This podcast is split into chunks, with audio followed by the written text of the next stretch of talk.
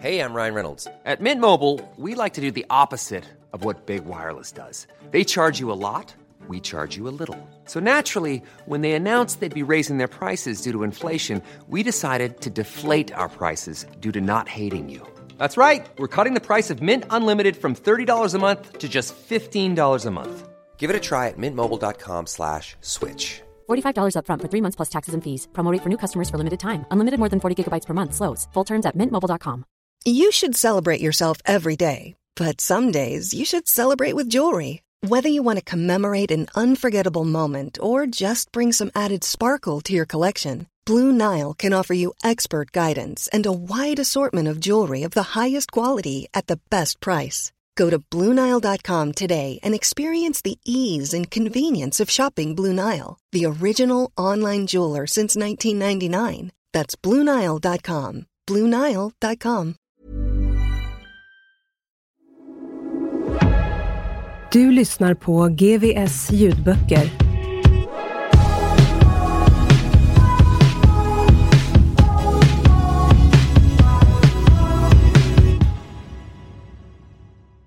Nytt kapitel.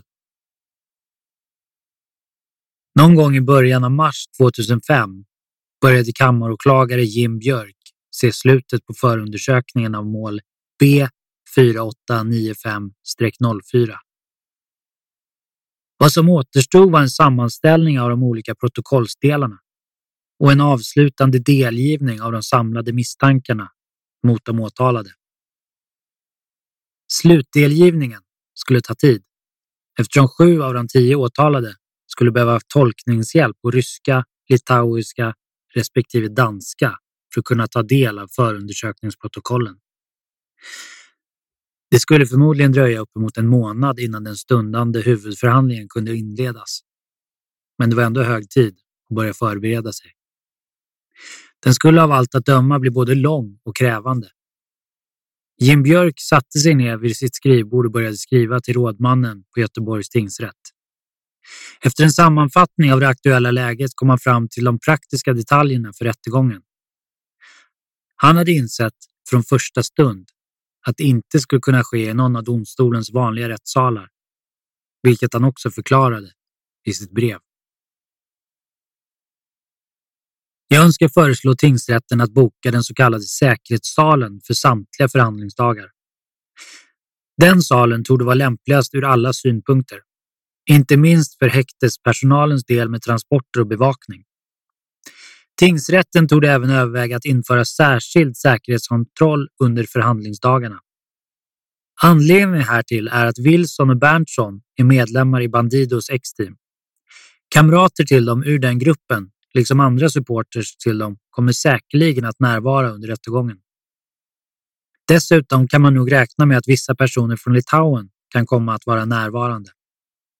För allas säkerhet vore det därför på plats att ha en särskild säkerhetskontroll. Jag kommer att initiera frågan även hos ansvariga inom Polismyndigheten för en riskbedömning av det här målet. Inte långt efter åklagarens brev till tingsrätten landade till sist förundersökningen på de inblandades bord. Aje tog sig an de tjocka luntorna på flera tusentals sidor med stor koncentration. Det var nu det började på allvar för hans del. Ovissheten var till någon mån över. Nu hade han svart på vitt den bevisföring som han skulle försvara sig mot. Brottsmålsadvokat Hans Gastedius hade imponerats av sin klients styrka och drivkraft vid deras första möte hösten 2000. Han hade sett hur människor kunde påverkas av att sitta isolerade i en häktningscell under lång tid. Att vara så beroende av andra häktespersonal, åklagare, domare och inte minst sagt sin egen advokat kunde lätt plocka fram mindre smickrande sidor hos en person. Kanske kunde det ses som en överlevnadsinstinkt att i sådana sammanhang bli falsk och försöka nästla sig in hos dem man omgav sig med. Några sådana tendenser fanns inte hos Aje, utan Hans upplevde honom som en rakryggad och stabil person. Kanske var det en av anledningarna till varför de kom så bra överens. Hans strävade själv alltid efter att vara rak mot sina klienter. Brutalt ärlig om så behövdes. Med Aje var det aldrig några problem. Dessutom var det tacksamt att arbeta med någon som själv intresserade sig så mycket för själva förundersökningen och kunde peka på brister och komma med förslag till hur försvaret kunde läggas upp. Att Hans och Aje nästan alltid var överens i sådana frågor gjorde att deras samarbete i det närmaste blev friktionsfritt. Efter deras möten stannade Hans inte sällan kvar någon halvtimme och pratade om annat. Han var själv obotlig anglofil och Ajes relation till England hade kommit upp under deras första möten. Våren 2005 pratade de också mycket om Ajes mamma, som han inte pratat med på länge och ibland oroat sig över. Hans skulle aldrig betrakta Aje som sin kompis, men det förhindrade inte att de kunde ha en god relation, även på det mer personliga planet, under tiden då han företrädde honom. Han var dessutom av den bestämda åsikten att en personlig tillit underlättade det professionella samarbetet. Hans betraktade Aje som en tydlig ledargestalt och ansåg att han var tillräckligt begåvad för att kunna lyckas i helt andra sammanhang än kriminella. Under arbetet med att lägga upp försvaret tyckte både klienten och hans försvarare att bevisen mot Aje var ganska tunna. Dessutom fanns det ett par punkter i förundersökningen rörande Aje som var antingen helt felaktiga eller i vart fall irrelevanta. Tillsammans plockade de fram tilläggsprotokoll ur slasken, de delar av utredningen som av olika anledningar sållas bort av förundersökningsledaren för att styrka sin sak. När det började dra ihop sig till rättegång tyckte de sig ha anledning att vara försiktigt optimistiska. Precis som Jim Björk hade förutspått och förberett sig på genom såväl extra domare och nämndemän som ett tätt förhandlingsschema skulle rättegången ta sin tid. Den 4 april 2005 vandrar Anders Berntsson, Damien Wilson och de åtta övriga åtalade för första gången in i säkerhetssalen bakom Göteborgs tingsrätt vid Gustav Adolfs torg. Det var första gången de två vännerna såg varandra på elva månader. Men när deras blickar möttes stod det klart att det var där med helt olika inställning. Damien hade kommit för att ta emot en dom han snart i ett år gått och väntat på. Aje hade kommit för rond ett i sitt livsmatch och tänkte knappast ge upp utan en ordentlig fight. Han klev in i ringen med huvudet högt och Sun Tzus ord tydliga i minnet. All krigsföring bygger på bedrägeri. När fienden konfronteras, ge honom ett bete för att lura honom. Låtsas att det är oordning och kaos och slå sen till. Nytt kapitel. Rättegången skulle pågå under sammanlagt 14 förhandlingsdagar, utspridda på nästan två månader och avslutades den 30 maj. Som förväntat närvarade flera medlemmar från Bandidos och X-Team i olika omgångar under förhandlingsdagarna. Det var trångt i säkerhetssalen, både på åhörarplats och framför domaren. Tolkar, vakter och advokater flankerade de tio åtalade i det lilla rummet. Processen gick långsamt och en hel dag kunde gå till åklagarens högläsning ur den från engelska och litauiska till svenska översatta telefonavlyssningen. Damien vägrade konsekvent att svara på frågor från åklagare och polis. Jim Björk försökte hålla god min och vände sig istället mot domaren som därefter upprepade frågan för Damien och fick ett svar. Detta lockade till skratt hos åhörarna men gjorde att processen drog ut på tiden. När Aje och Hans fick chansen försökte de dra upp tempot. De följde sin plan och lyckades också slå hål på några av åklagarens hypoteser. Bland annat hade polisens spanare felaktigt pekat ut Aje som närvarande vid ett av de möten med litauerna som beskrevs i förundersökningen. Med hjälp av polisens egen kartläggning av telefontrafiken kunde de bevisa att Aje befunnit sig på en helt annan plats vid det tillfället. Åtminstone ett par av de telefonsamtal som togs upp där Aje varit delaktig kunde de förklara. Bland annat genom att hänvisa till en affär med solarieutrustning i vilken säljaren enligt försvaret försökt lura Aje. Även anteckningar som Aje gjort och som hade maskerats av polisen och hölls emot honom med misstanken om att det rörde sig om en viss mängd narkotika kunde påvisa handlade om guld och inget annat. Slutpläderingen grundades i att Aje visserligen hade träffat de åtalade litauerna, men enbart för att sälja den begagnade svenskregistrerade Volkswagen Golf som de fått nycklarna till. Däremot hade han aldrig deltagit i någon narkotikaaffär med dem. Annika Johansson kände sig nöjd med rättegångens utveckling. Även om det drog ut på tiden. Hennes åklagarens bild av händelseförloppet var tydlig. Under mars, april och maj föregående år hade tre stycken smuggelresor ägt rum. De åtalade litauerna hade med hjälp av två danskar fraktat stora mängder amfetamin till Sverige för leverans till de åtalade svenskarna. Flera kilon hade passerat mottagarna och fortsatt ut till nya led runt omkring i Västra Götaland. Att de inblandade skulle fällas för grova narkotikabrott var självklart och Annika tvekade inte vad gällde de åtalades inblandning. Aje och Damien var två välkända ansikten inom den kriminella världen och hade figurerat i liknande sammanhang tidigare. Båda hade klarat sig undan några längre straff, men den här gången såg det ljust ut för åklagarsidan, tyckte hon. Men när den sista rättegångsdagen var till ända hade två av de åtalade som suttit häktade den gångna året försatts på fri fot. Och med tanke på de långa straffyrkandena kunde Annika inte tolka rättens beslut på annat sätt än att de skulle gå fria. Den ena, en av litauerna, skulle förmodligen återvända till sitt hemland och eventuellt bli svår att få tag på. Den andra, Aje, såg återigen ut att ha klarat sig undan lagen. Innan domen ens fallit började hon fundera på hur målet kunde tas vidare upp i hovrätten. Beslutet skulle fattas av åklagare Jim Björk och han tvekade aldrig.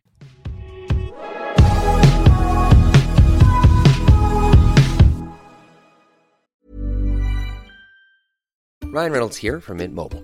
With the price of just about everything going up during inflation, we thought we'd bring our prices down. So to help us, we brought in a reverse auctioneer, which is apparently a thing. Mint Mobile unlimited premium wireless. Have to get 30, 30, bit to get 30, bit to get 20, 20, 20, bit to get 20, 20, bit to get 15, 15, 15, 15 just 15 bucks a month. So, Give it a try at mintmobile.com/switch. slash $45 upfront for three months plus taxes and fees. Promo rate for new customers for limited time. Unlimited more than 40 gigabytes per month. Slows. Full terms at mintmobile.com. Millions of people have lost weight with personalized plans from Noom, like Evan, who can't stand salads and still lost 50 pounds. salads generally for most people are the easy button, right? For me, that wasn't an option. I never really was a salad guy. That's just not who I am. But Noom worked for me. Get your personalized plan today at Noom.com. Real Noom user compensated to provide their story. In four weeks, the typical Noom user can expect to lose one to two pounds per week. Individual results may vary.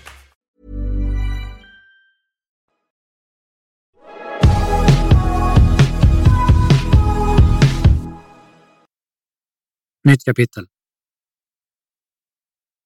Redan innan rättegången mot Ayo och Damien inleddes så hade förhandlingarna kring det utpressningsfall Magnus var misstänkt i hunnit avslutas. Det hade varit en speciell process på många sätt, inte minst på grund av uppmärksamheten i media. Flera brott hade sammankopplats genom de misstänkta gärningsmännen och åtalspunkterna spände från bland annat utpressning och grov misshandel till våld mot tjänsteman och narkotikabrott. Bland Magnus medåtalade fanns bland annat Danne och Nils som varit inblandade i skottlossningen vid Långströmsgatan på Hisingen föregående år. Magnus hade ingen roll i den utredningen, men i rättegångssalen länkades han ändå ihop med den händelsen. Danne var även misstänkt i ett utpressningsfall. Och att en av hans medåtalade där misstänktes för inblandning i det utpressningsfall Magnus stod åtalad för. Flera klubbkamrater, däribland deras president, hade pekats ut av de målsägande och totalt åtalades nu nio personer på sammanlagt 18 olika punkter. Flera av åtalspunkterna hade redan på förhand genererat tidningsartiklar och nyhetsinslag i tv. Bland annat ägnades Danne en hel artikel i Göteborgs-Posten där några av brotten radades upp. Våld och hot mot tjänsteman, narkotikabrott, utpressning och slutligen även den tidigare omskrivna skottlossningen. Danne dömdes till slut på 11 punkter till tre års fängelse och hans inblandning i händelserna vid Svartedalens krog och Långströmsgatan rubricerades som grov misshandel. Nils fick sammanlagt ett års fängelse för innehavet och användandet av pistolen. Men störst uppmärksamhet från såväl polis och åklagare som journalister fick en annan åtalspunkt. Tingsrättens bild av vad som hade hänt var att de åtalade i egenskap av anhängare till mc-klubben Bandidos MC i december 2003 hade tvingat ett krögarpar på hissingen att betala 120 000 kronor till klubben för ett års beskyddning av deras verksamhet. Pengarna hade betalats kontant. I slutet av 2004 hade ett liknande krav ställts för att förnya avtalet, men den här gången hade paret, efter att ha diskuterat saken, valt att gå till polisen istället. Åtalet gällde grov utpressning och samtliga åtalade skulle komma att dömas. Magnus förstod egentligen inte hur det hade gått till. Det hade bara gått dagar från det att han hade blivit inröstad i klubben och fått ta på sig sin Bandidosväst innan polisen grep honom. Han kunde inte låta bli att sucka under häktningsförhandlingarna som ledde upp till rättegången. Plötsligt befann han sig mitt i årets kanske mest uppmärksammade brottmål. Under 2005 skulle rapporteringen om utpressningen mot krögarparet på hissingen eka genom hela Sverige. Det skulle generera åtskilliga nyhetsrubriker och tvinga justitieminister Thomas Bodström till upprepade löften om hårdare tag mot den organiserade brottsligheten. Bandidos varumärke skulle, beroende på vem man frågade, har smutsats ner eller förstärkts avsevärt och de åtalades straff kritiserades för att vara för milda. Den som anmält utpressningen skulle, efter att ha hyllats och intervjuats i media, till slut konstatera att han ångrade att han överhuvudtaget hade gått till polisen. Magnus, som ansågs ha kommit in i ett relativt sent skede, dömdes i tingsrätten till fängelse i åtta månader för försök till utpressning. Nytt kapitel. Han borde kanske vara glad. Eller åtminstone lättad. Men Aje var helt tom på känslor. Tom på tankar. Han förstod knappt vad som hade hänt. På något sätt var det som att de senaste 13 månaderna aldrig hade ägt rum. Som om de bytts ut mot ett vakuum som inte gick att förklara. Än mindre förstå. Det var som om han lika gärna kunde ha legat i koma. Han föreställde sig kampen mot medvetslösheten som inte är helt olik hans egen kamp mot alla de som ville hålla honom borta från hans liv och stänga in honom i en cell. En kamp som han nu verkade ha vunnit. Domaren hade förklarat att Aje var fri i väntan på domen. Han hade rest sig upp, samlat ihop pappren och tittat på Hans. Då laddar vi för rond två, hade han sagt till sin advokat. Aje lämnade Göteborgs tingsrätts säkerhetssal med ett brett leende på läpparna. Mer för att visa sig överlägsen inför rättsväsendet än för att han var uppriktigt glad. Nytt kapitel. Tre veckor efter den första förhandlingsdagen levererade Göteborgs tingsrätt sin dom över narkotikautredningen som polisen ägnat över ett år. Tingsrätten menar att åtminstone två smuggelresor om totalt minst 10,5 kilo amfetamin hade genomförts under mars och april föregående år. Även om detaljerna kring dessa i viss utsträckning var oklara. Tydligast uppfattning hade de vad det gällde den sista så kallade majresan. Eftersom alla tre resorna betraktades som tydligt sammanlänkade händelser blev den sista resan betydande för bedömningen av de två andra resorna. Den 5 maj 2004 transporterades enligt tingsrättsdomen 14 kilo amfetamin från Litauen till Sverige via Danmark. I Danmark togs narkotikapartiet ur bilen och förvarades under natten i en bostad strax utanför Köpenhamn. På förmiddagen dagen därpå packades sedan narkotikan in i två bildäck inne i bostaden.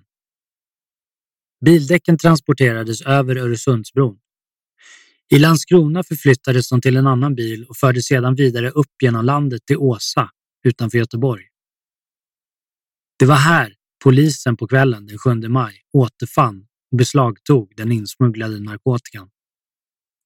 Den 7 maj 2004 överlämnade en svenskregistrerad Volkswagen Golf från Damien Wilson och Anders Berntsson till en litauer med koppling till männen som föregående dag anlänt med de två amfetaminfyllda däcken. Bilen hade inköpts redan under den andra smuggelresan månaden innan. Bilen ansågs av tingsrätten utgöra en delbetalning för en narkotikaleverans. Samma dag betalades även ett belopp om 75 000 kronor ut till den litauer som mottog bilen. Totalt fyra litauer och två danskar ansågs aktivt och medvetet ha deltagit i transporten av narkotikan. De förklarades skyldiga till grovt narkotikabrott samt grov narkotikasmuggling. Däremot var tingsrätten osäker på huruvida den sjätte litauen, som också följt med som passagerare under transporten, varit medveten om vad resans syfte hade varit. Åtalet mot honom ogillades därför. Även Samir, som umgåtts en del med Damien och Aje under den aktuella perioden och också åtalats, fick gå. Sex dömda och två friade. Kvar fanns Damien och Aje. Mot bakgrund av den täta kontakt som Damien haft med flera av litauerna under de månaderna som föregick gripandet och de iakttagelser som gjorts ansåg sig rätten kunna styrka att han hade för avsikt att köpa åtminstone en stor del av den narkotika som fraktats till Sverige i de två bildäcken. Därmed ansågs han ha gjort sig skyldig till stämpling till grovt narkotikabrott för majresan samt grovt narkotikabrott för de två dessförinnan fullbordade resorna. Aja hade umgåtts flitigt med Damien och dessutom träffat och haft telefonkontakt med några av litauerna. Men rätten ansåg det inte vara ställt bortom allt rimligt tvivel att han faktiskt haft med planeringen av något av de utredda narkotikaköpen att göra. Del 8 Revansch Tomorrow, tomorrow. I love you tomorrow. You're always a day away. Martin Kärnen, Tomorrow. Det enda den svenske mannen i baksätet egentligen visste var att leveransen skulle komma med båt. Han hade legat vaken i flera timmar natten innan och spelat upp olika scenarier i huvudet. Först föreställde han sig en liten sliten fiskebåt med släp som kom puttrande in mot en mindre hamn. De skulle stå och ta emot lasten utan att någon anade vad det rörde sig om, tänkte han. Han funderade över om han borde ha ordnat mer anonyma kläder för att smälta in bland fiskare och hamnarbetare. Men han hade inte fått några sådana instruktioner. Kanske fanns det andra som lastade av, tänkte han. Eller så var han helt fel ute. Om något skulle gå snett vore det dumt att vara beroende av en långsam gammal trålare. I så fall vore en snabb motorbåt mycket smartare. Den skulle kunna stanna till vid en ensam brygga någonstans, långt ifrån hamnarnas vimmel. Och sakerna skulle kunna lastas av från däck innan båten försvann obemärkt. Å andra sidan, leveransen kom ju från andra sidan Atlanten. Det var inte direkt någon sträcka för en liten motorbåt. På något sätt involverade det hela rimligtvis något slags större fartyg.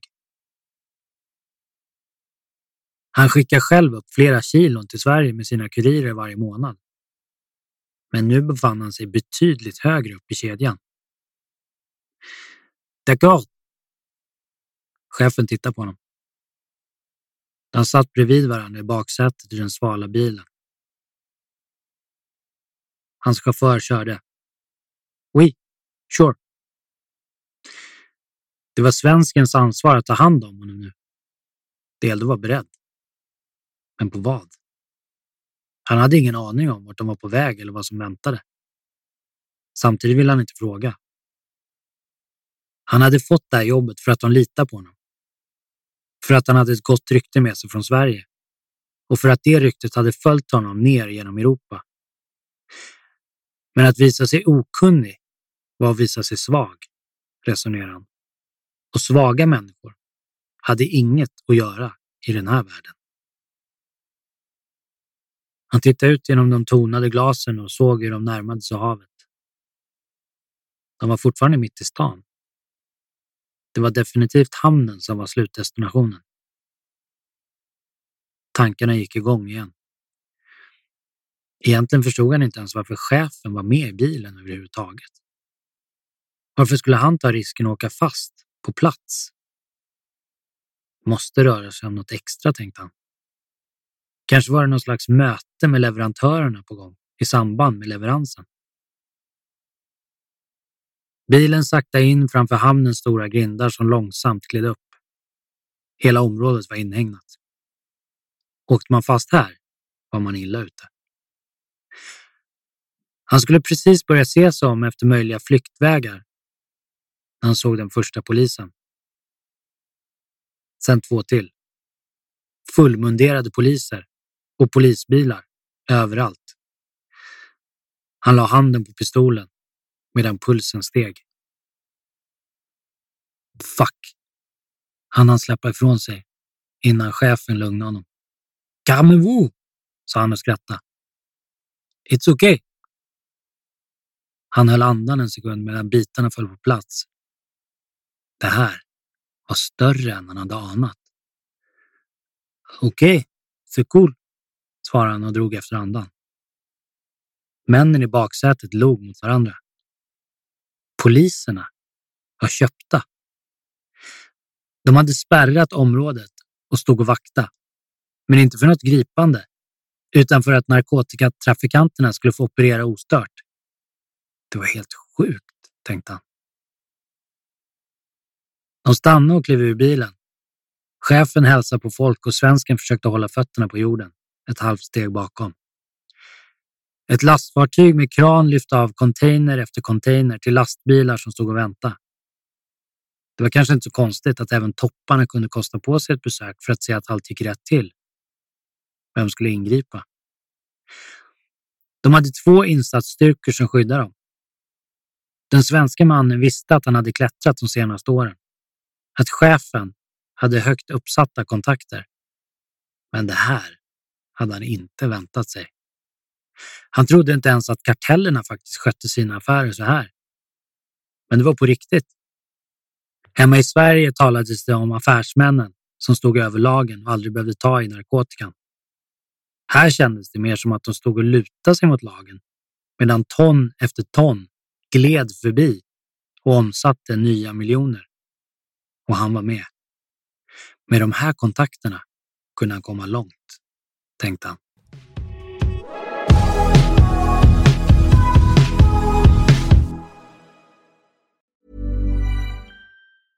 Hey, it's Paige DeSorbo from Giggly Squad. High quality fashion without the price tag. Say hello to Quince.